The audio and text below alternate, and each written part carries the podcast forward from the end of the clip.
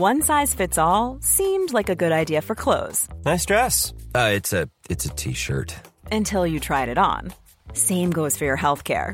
That's why United Healthcare offers a variety of flexible, budget friendly coverage for medical, vision, dental, and more. So, whether you're between jobs, coming off a parent's plan, or even missed open enrollment, you can find the plan that fits you best. Find out more about United Healthcare coverage at uh1.com. That's uh1.com.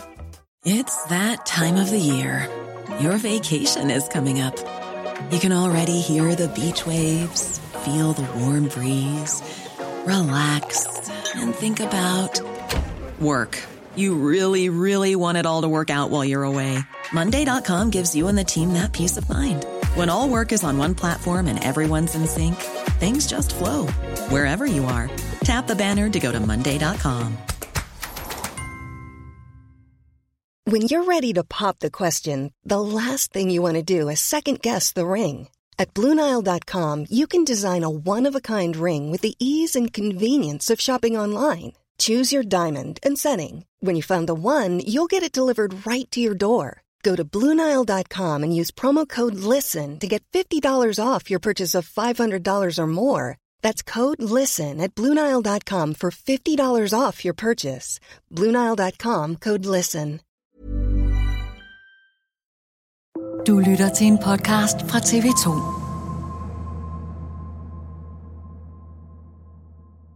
Jeg er også lidt på TikTok. Jeg elsker TikTok. Okay. Men du har jo over 600.000 følgere. Ja, ja, ja. Det går stærkt i perioder. Ja, og der er en video her, der har 20 millioner visninger og flere millioner likes. Ja, ja. Det er i november 2022 under VM i Katar, som jeg var inviteret til. Og så var der bare den her dude, der gerne ville vise, hvad han kunne, og det er jo super hyggeligt, når de kommer.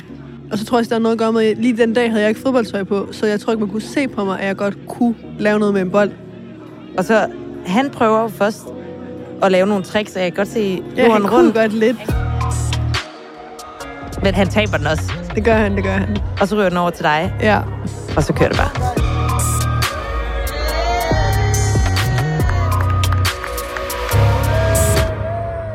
Hvorfor tror du, at den her gik viralt? Jeg tror, det er meget det her med, at det er mand vs. kvinde. Jeg har bært tørklæde. Det gør også, at det får rigtig, rigtig meget opmærksomhed. Især fordi jeg var i et land som Katar, hvor man normalt ikke ser kvinder, der ligner mig, lave det, jeg lavede med en bold. Og så tror jeg også bare, det handler om, at der var en lille dreng i baggrunden, der stod og klappede og filmede, og at det var sådan lidt... Øh, ja, altså det er en lille dreng, der ser op til en pige, hvor det faktisk plejer at være det omvendte. At det er os, der var små, der så op til Ronaldo og sådan noget.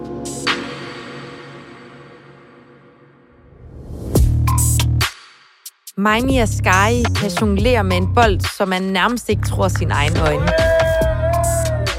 Med mere end 600.000 følgere i ryggen lægger hun daglige fodbold-freestyle-videoer op på sin TikTok-profil.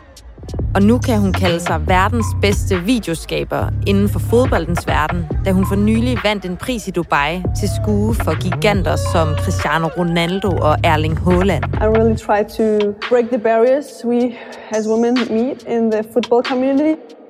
Men det var slet ikke givet, at Maimi skulle ind i fodboldverdenen, hvor både hendes køn og hendes baggrund har stået i vejen. The most general thing as women footballers meet is misogynism and saying that women should be in the kitchen and it's a man's sport, a woman should be playing it. Dato i dag handler om styrken til at nedbryde barriere og viljen til at lave det, man har lyst til. Mit navn er Amalie Rudserup. There are some people, they're just out to get you because you're changing the narrative.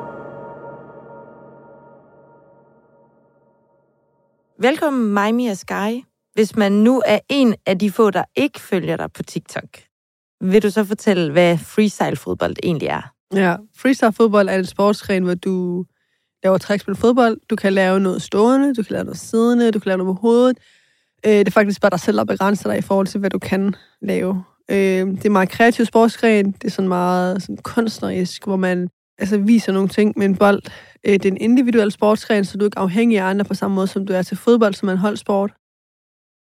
Og så er det bare et kæmpe frirum for mig. Jeg elsker at være ude og putte høretelefoner i ørerne efter en, en travl hverdag, og så bare stå med min bold, og så lave det, jeg synes, der er fedt. Hvor er de fedeste steder, du har stået og optaget en TikTok? Altså, Katar 100% er øh, noget af det fedeste, jeg har oplevet. Øhm, fordi at øhm, det havde nok også noget at gøre med, at det var VM, at alle fodboldglade mennesker var der. Men folk var bare helt op at køre omkring fodbold, og de var så meget klar på at lave videoer, og de var meget interagerende, og jeg elsker, når folk kommer med ind over min video og gerne vil være med. Og så har jeg engang været foran Eiffeltårnet i Frankrig også og lavet noget, og altså Eiffeltårnet er bare klassisk. Mega pænt setup og location og det hele. Det spiller bare, du skal gerne kunne noget med en bold, og så går den viral, for det er så smukt. Hvordan reagerer folk på stedet, når du stiller op og laver de her tricks? Typisk stopper de op, og så trækker telefonen frem. Og det er rigtig sjovt. Altså, jeg bruger det selv meget på mine sådan videoer. Jeg zoomer ind på deres ansigter for at vise mine følgere, hvordan folk de reagerer. Når jeg spiller en mod en, hvor jeg prøver at lave tunnel på modstanderen, og hvis jeg sådan lykkes, især hvis det er en dreng, så går folk amok. Det er sjovt. Altså sådan deres reaktioner på, at de bliver overrasket, og de bliver sådan, oh!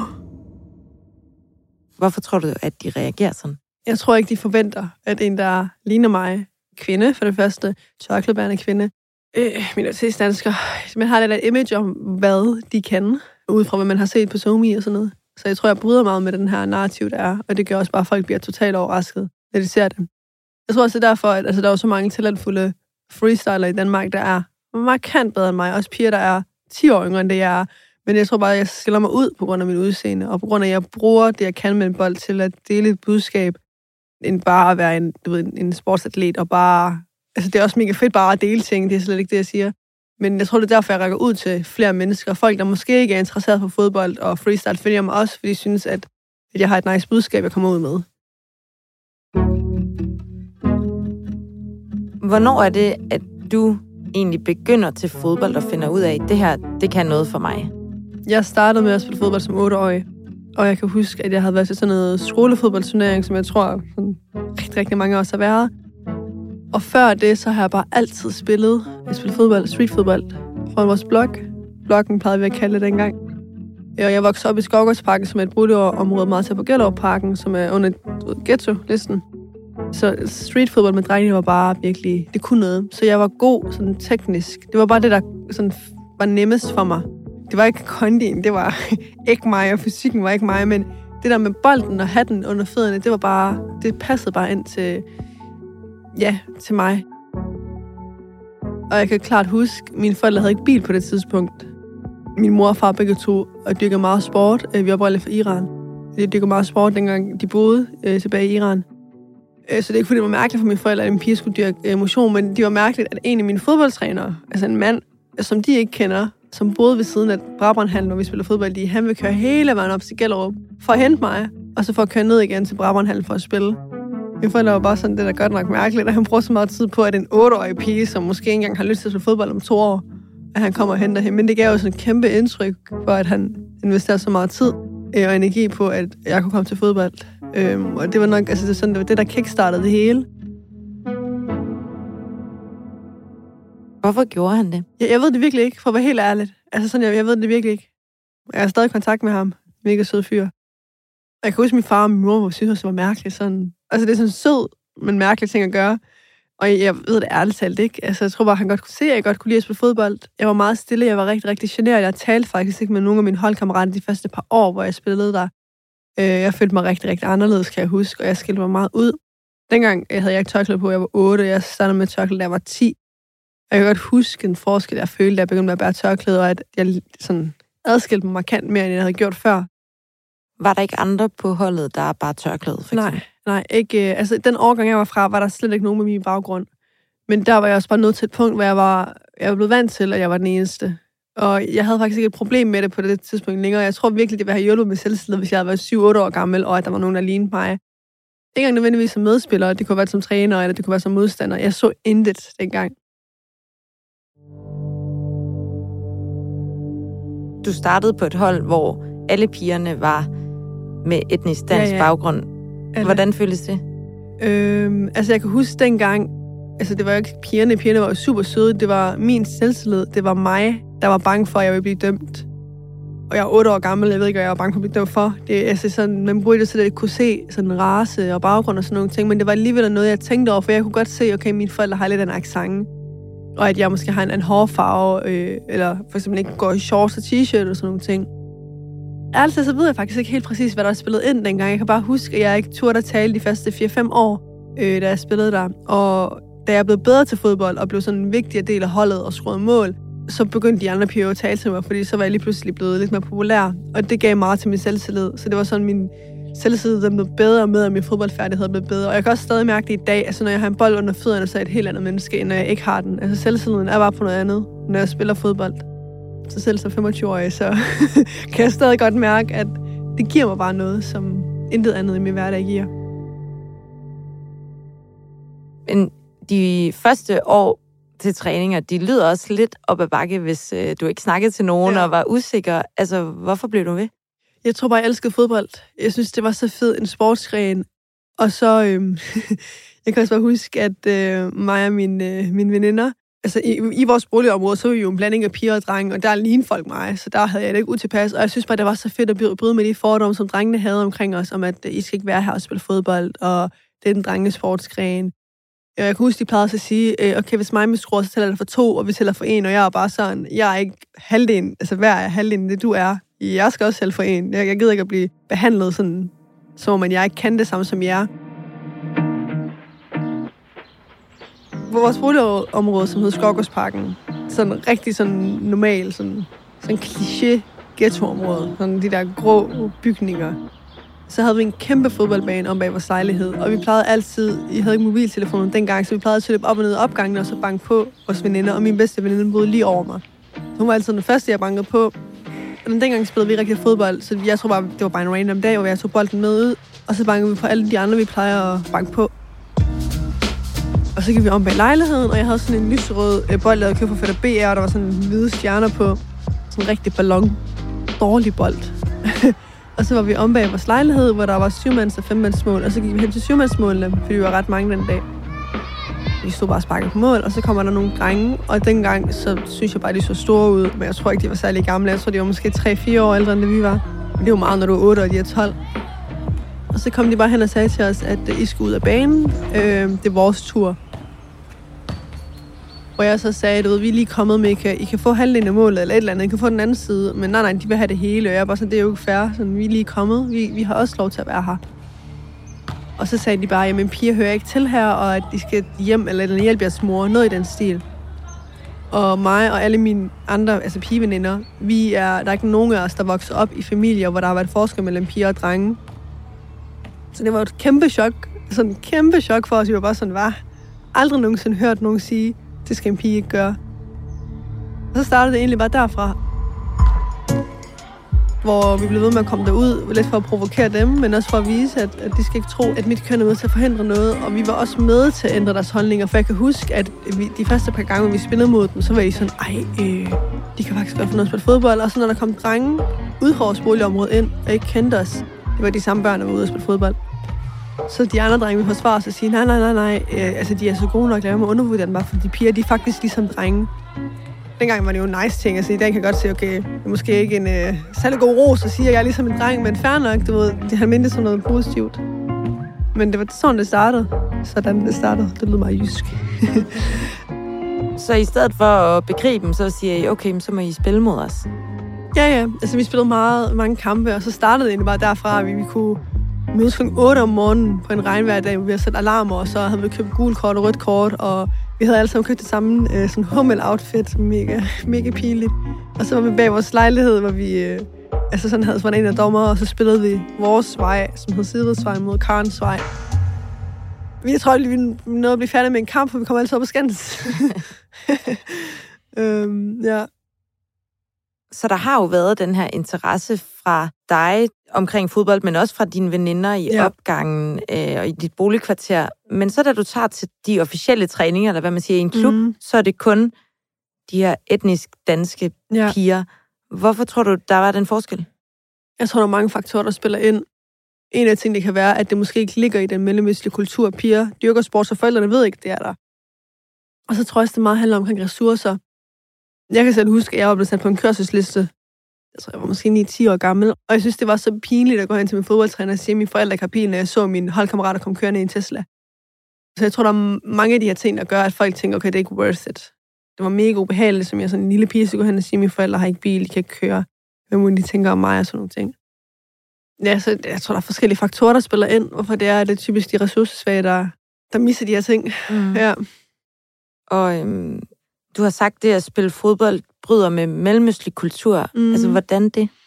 Mm, jeg vil måske, måske med præcis at sige, den traditionelle del af mellemøstlig kultur, der, altså verden har jo ændret sig rigtig, rigtig meget. Øh, Iran, Afghanistan, der er mange, der har kvindelandshold nu. Altså i dag er der jo markant flere tørklædbærende kvinder, der spiller fodbold. Vi havde også den første tørklædbærende kvinde til VM i Australien i år. Så der er jo mange flere i dag, end hvad der var, da jeg var lille. Øh, men jeg tror meget, det er kulturelt. Det er det der med, man er bare ikke, altså det ligger bare ikke til normen, at man stopper og siger, okay, her der, der går til fodbold, så vil man måske sige, gå til dans, eller gå til ridning. Noget, der er mere sådan, ikke er så mandsdomineret, som fodbold er.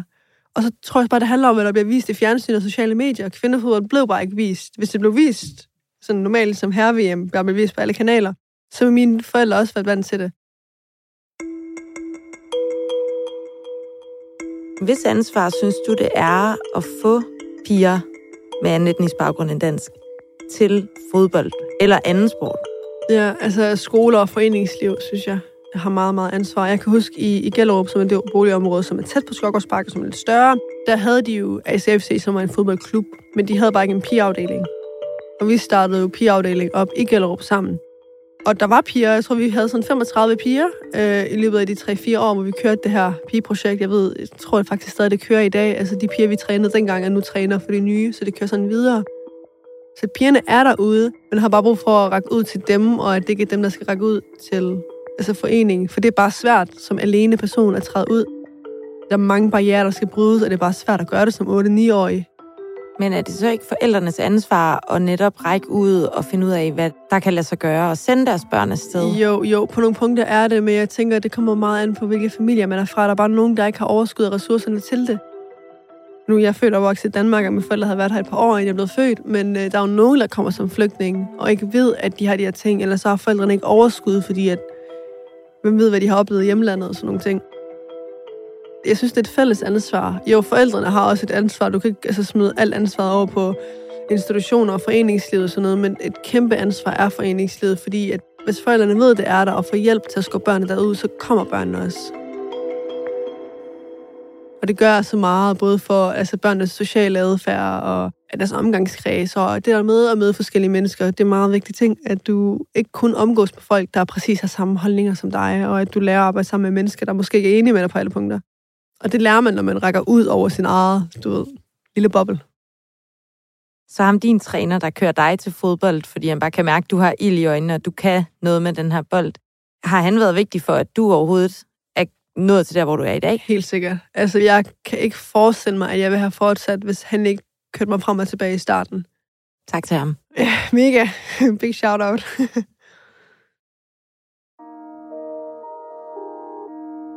Maimi er ikke kommet alene i studiet. Foran hende står et stort, skinnende trofæ, som hun i januar måned kunne tage med sig hjem fra Dubai. Good evening and welcome to the second edition of the Globe Soccer Digital Awards. Her vandt hun nemlig prisen for Best Video Creator ved det stort anlagte Globe Soccer Digital Awards. Og det var ikke hvem som helst, hun var i selskab med ved den lejlighed. De altså, største fodboldlegender var jo til stede. Hvem? Et, Cristiano Ronaldo var der. Altså, kan ikke blive større. with my football, with my passion to change mentalities. Holland, han var der. Han er så den nye generation. The guys that sit here, there's a bunch of amazing people. Alle mulige kæmpe øh, trænere, fodboldtrænere. Citys træner. Hele Manchester City-holdet var der. Hvordan havde du det i det der crowd? Jeg havde det faktisk lidt utilpas, fordi at, øh, altså jeg har 600.000 følgere, men jeg er ikke den der person, sådan... Jo, jeg er efterhånden blevet okay comfortable foran kamera og altså, tale til folk og sådan noget, men det der med at skulle stå og tale om sig selv, og hvad man laver, det, det er ikke lige mig. Jeg ved ikke lige, hvor grænsen ligger hen i forhold til, hvornår man går hen og nyder for lidt narcissistisk. Så det var sådan lidt akavet, fordi influencer, de er jo bare sådan meget selvpromoverende, og det her, det laver jeg, jeg ansæt mig. Og jeg var bare sådan, yeah, I just want the best video creator, I post social, on social media, I post football content. Øhm, ja, så det var sådan lidt, øh, ja, det var en ny oplevelse. Men altså, det var mega, mega luksus. Jeg blev hentet af en privat chauffør foran det hotel, jeg boede på, og det hotel, det var jo, altså, ubeskriveligt kæmpe luksus. Altså, jeg, jeg ved ikke engang, altså, jeg kan ikke engang sætte ord på, hvor, hvor nice det var. Og så bliver jeg smidt af, øh, der hvor man kommer ind til sådan noget paparazzi nede. Og de har jo ikke det paparazzi i Dubai, for det er ulovligt at tage billeder af folk uden konsent. Så altså, de har det kun til at vende, hvor man har skrevet under på. Så derfor var der jo også sygt mange, så jeg træder ud, og så... Øh, jeg var for det første den eneste kvinde, der var der, hende den anden, der havde vundet, hun kunne komme. Så det gav jo også en opmærksomhed, at jeg var den eneste med tørklæde. Så da jeg træder ud, altså alle, de kiggede bare, og det var så pinligt og så akavet, for jeg plejer, altså jeg går ikke særlig ofte i kjole. Det er virkelig, virkelig sjældent, at jeg går i så fancy en gallerkjole. Og jeg sad bare og tænkte på, mig, please, ikke fald, ikke fald, ikke fald. Du må ikke snuble her foran folk. Så jeg går bare ud, og alle kigger på mig, og de begynder med at tage billeder, og jeg går hen, og så er det de der små børn, der står med deres spotlight ved her autografer. Og du ved sådan rigtigt, det der senere med selv, når fodbold herreland, så der for eksempel kommer hjem. Det var lige præcis sådan et setup, der var. Så skulle man gå igennem sådan et sted, hvor der var en gang, hvor baggrunden, så var der alle de der sponsorater, der havde som sponsoreret eventet, og så var der de der kamerafolk, der stod på den anden side, og der var bare blitz over det hele, og de talte, og, de, og jeg var bare sådan, jeg var bare gerne igennem nu. Pinligt. øhm, så det var, altså, det var virkelig sådan, man fik lige lov til at prøve det der, man altid har set, når man har været lille og set Ronaldo sådan kommet igennem et eller andet. Så det var mega mærkeligt, men mega fed oplevelse. Og folk ville også øhm, gerne have din autograf? Ja, ja. Altså, sådan, de var jo, de var bare sådan, hun gået på samme scene som ham, og de tog jo også billeder. Og, altså, jeg er jo også på TikTok, og har alligevel sådan okay mange følgere til folk, der kan genkende en. Så ja, det var rigtig specielt. Altså, jeg synes, det var fedt. Det er jo de måde, det er jo grænseoverskridende på rigtig, rigtig mange punkter. Men det er jo de ting, der bryder med barriere og bryder med fordomme, der er. Øh, så for at kunne bryde med narrativen, bryde med fordomme, bryde med barriererne for den nye generation, så de har det nemmere, så er man nødt til at træde ud i de her uncomfortable situationer. Men det var også bare kæmpe anerkendelse for mig selv, at komme gående og så se en fodboldspiller som Casemiro se mig få pokalen, eller se City-holdet og sådan nogle øh, spillere så og kigge på mig. Det er jo mega sådan selvslåsboost og motiverende for, at man skal blive ved med at lave det, man laver. For at vise, at der er faktisk folk, der ser en og sådan anerkender det arbejde, man laver. Nu har du 600.000 følgere på TikTok. Af alle de kommentarer, du får, er det så altid positive og hyldende? Og... Ja, nej, overhovedet ikke. Overhovedet ikke. Oh my god. Jeg får rigtig, rigtig meget hate. Jeg behøver ikke engang snakke omkring noget, der er kontroversielt. Mit udseende, mit tørklæde, min baggrund, det er nok til at skabe en debat. Så altså, jeg får en del kærlighed, og der er mange små, der også skriver private beskeder til mig omkring, at det giver dem motivation, og det inspirerer dem, og at de ting, jeg for eksempel har sagt i forhold til, hvad de skal sige til deres forældre for at få lov til at spille fodbold, det har hjulpet dem, og så videre. Men jeg, altså, jeg får også en del hate. Altså bare nu, da jeg vender Godmorgen Danmark, altså der er allerede kommer en eller to beskeder ind efter 10 minutter, hvor Godmorgen Danmark har slået den op. Fordi, åh oh nej, de tørklæder ikke dansk, så du kan ikke være dansker. Og du siger, du er født og opvokset i Danmark, men der er intet dansk over dig. Jeg er bare sådan, okay, get over it. Men hadkommentarerne, altså de fylder rigtig meget. Hvis du skal sammenligne mig med en gennemsnitlig dansk content creator, så altså det level, jeg får hadkommentar på, det er altså... Det går helt amok. Altså, du siger til haterne, hvorfor overgår I det? Men hvorfor overgår du at blive ved med at være i skudlinjen, eller hvad man siger, og modtage den her hate, yeah. som unægteligt kommer? Altså, jeg er en sted person, som sagt. Så altså, som lille, så havde jeg brug for at bevise de små drenge, at, at deres fordom ikke var rigtige. Så jeg tror, at det har også altid ligget en del af mig. Øh, jeg har altid været sådan en tastaturkriger, bare på den modsatte side. Så jeg har altid været op og skændes med de der racister på ekstrabladet og sådan noget, siden jeg har været, altså før jeg kom på TikTok og Instagram. Jeg kunne simpelthen ikke, altså den tanke, de havde, jeg var bare sådan, selv hvis jeg ikke kan være med på at ændre den persons holdning, så kan det være, at der er en anden person, der læser, der er sådan 50-50, som kunne være enig med mig. Så det er meget det, jeg tænker på, om at jeg ved, der er nogle mennesker, altså jeg, jeg regner slet ikke med, at jeg kan ændre på altså, verden og den måde, folk de ser mig på, men hvis jeg kan være med til at påvirke den måde, fremtiden ser min befolkningsgruppe, så har jeg jo gjort noget af det, jeg kan gøre. Så har jeg taget det ansvar, jeg nu kan løfte. Og så synes jeg bare, det er fedt at kunne være med til at inspirere de unge. Jeg synes, det er fedt at kunne give dem den selvtillidsboost, øh, som jeg og min omgangskreds har brug for som barn. Jeg kan huske, at vi, jeg så i hvert fald meget op til Nadia Nadim.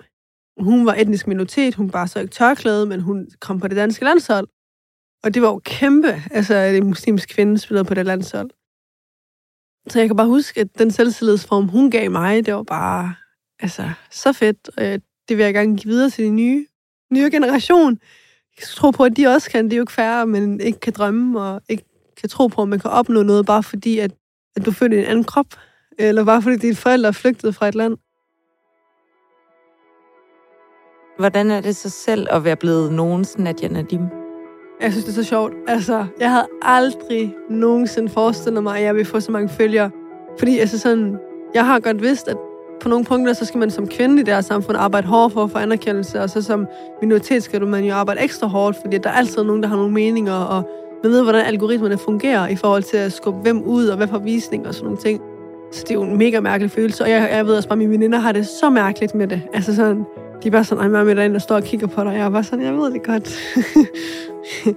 så det, det er super sjovt, og altså, jeg elsker det. Jeg elsker det, jeg værdsætter det. Jeg elsker de små, der kommer op og snakker med mig, og jeg synes, det er det fedeste. Hvad drømmer du selv om for din fremtid? Det er et rigtig godt spørgsmål. Jeg har så mange drømme. Jeg har så mange tanker og idéer, og jeg vil bare gerne være med til at, at bryde med de barriere, der er. Jeg vil bare gerne være med til at gøre, at de små, og det er nok også mest de små piger, ikke skal møde samme modstand, som min generation har gjort, og min befolkningsgrupper har gjort. Så de ikke behøver at forsvare sig selv, hverken over for drenge, men også over for sådan Danmark. Vi forventer ikke, at folk de elsker vores livsstil og altså, synes, at uh, tørklædet nice, men jeg forventer, at man bliver respekteret, som jeg respekterer dem. For jeg skader ikke på nogen, jeg skader ikke mig selv, så det kunne være fuldstændig lige meget, hvad jeg har omkring hovedet. Tak, Maja Mia Sky, for at være med, og tillykke med din pris.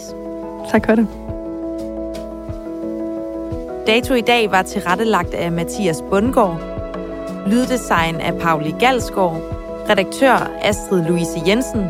Mit navn er Amalie Rod Serup. Husk, at du altid kan finde flere afsnit af Dato og andre spændende serier på TV2's nyhedsapp. Du har lyttet til en podcast fra TV2.